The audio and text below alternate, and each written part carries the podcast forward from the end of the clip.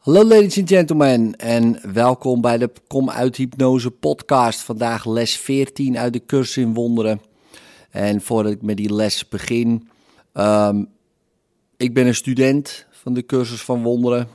En uh, tof dat je dit luistert. Luister je dit als eerste les, ga beginnen bij les 1. Doe iedere dag één les, dat is het handigste om hier doorheen te gaan. Het maakt niet uit wanneer je begint, maar het is wel handig om te beginnen bij les 1. Um, ehm, om te doen.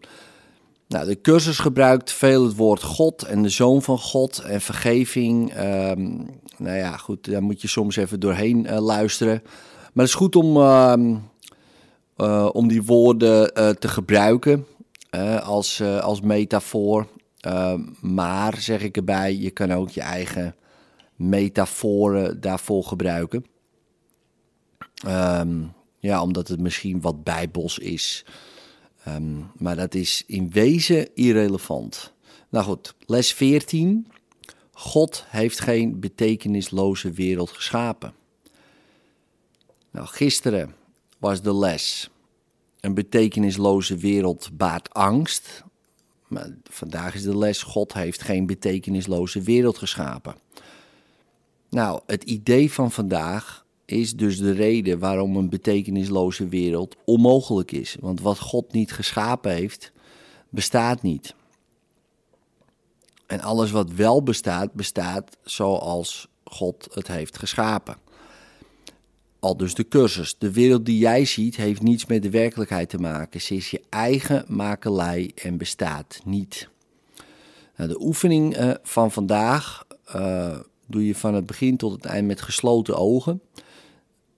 De periode van gedachtenonderzoek nou, is hooguit een minuut. Doe niet meer dan drie oefenperioden met het idee van vandaag. Of je moet je er gewoon prettig bij voelen. Nou, en als dat zo is, dan komt dat omdat je werkelijk begrijpt waar ze toe dienen.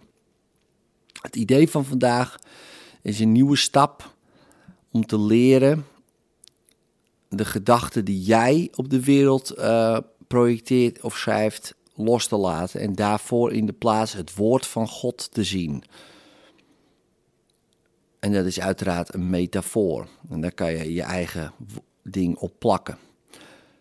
Nou, de eerste stappen in deze omruiling zou je kunnen zeggen, die werkelijk verlossing genoemd kan worden, kan best pijnlijk zijn en lastig. Um, dus ja, observeer het en passeer het. Want deze weg, onze weg, leidt naar volmaakte veiligheid en volmaakte vrede. Nou, denk met gesloten ogen aan alles wat je beangstigt in de wereld en alle gruwelen, alle ellende. Laat dat in je opkomen en benoem ze één voor één zoals ze opkomen.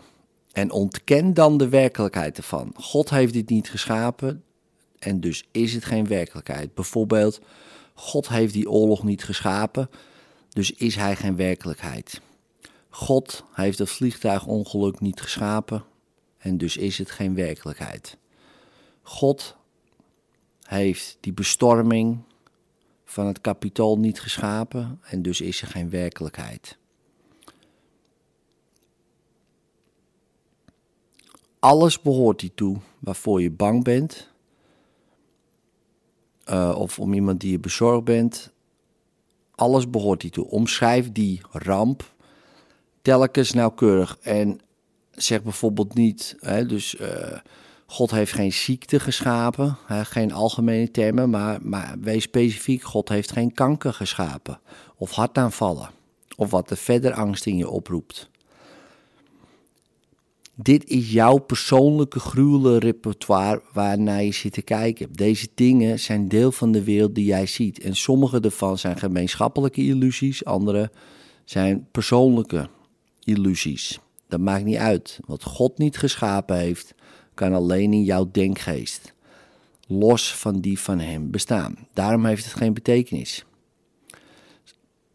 Sluit ter erkenning van dit feit de oefenperiode af met een herhaling van het idee: God heeft geen betekenisloze wereld geschapen. En het idee van vandaag kan natuurlijk toegepast worden op alles wat buiten die oefenperiode om vandaag ook je vrede verstoort. En wees heel specifiek in je toepassing. Zeg bijvoorbeeld: God heeft geen betekenisloze wereld geschapen. Hij heeft de man die mij nu afsnijdt niet geschapen, dus is dat geen werkelijkheid. Hij heeft um, deze lockdown niet geschapen, dus is dat geen werkelijkheid. Hè, als het je vrede verstoort. Dus je omschrijft de situatie die je vrede verstoort. Ja, dit is wel een hele interessante voor vandaag. In liefde en tot morgen.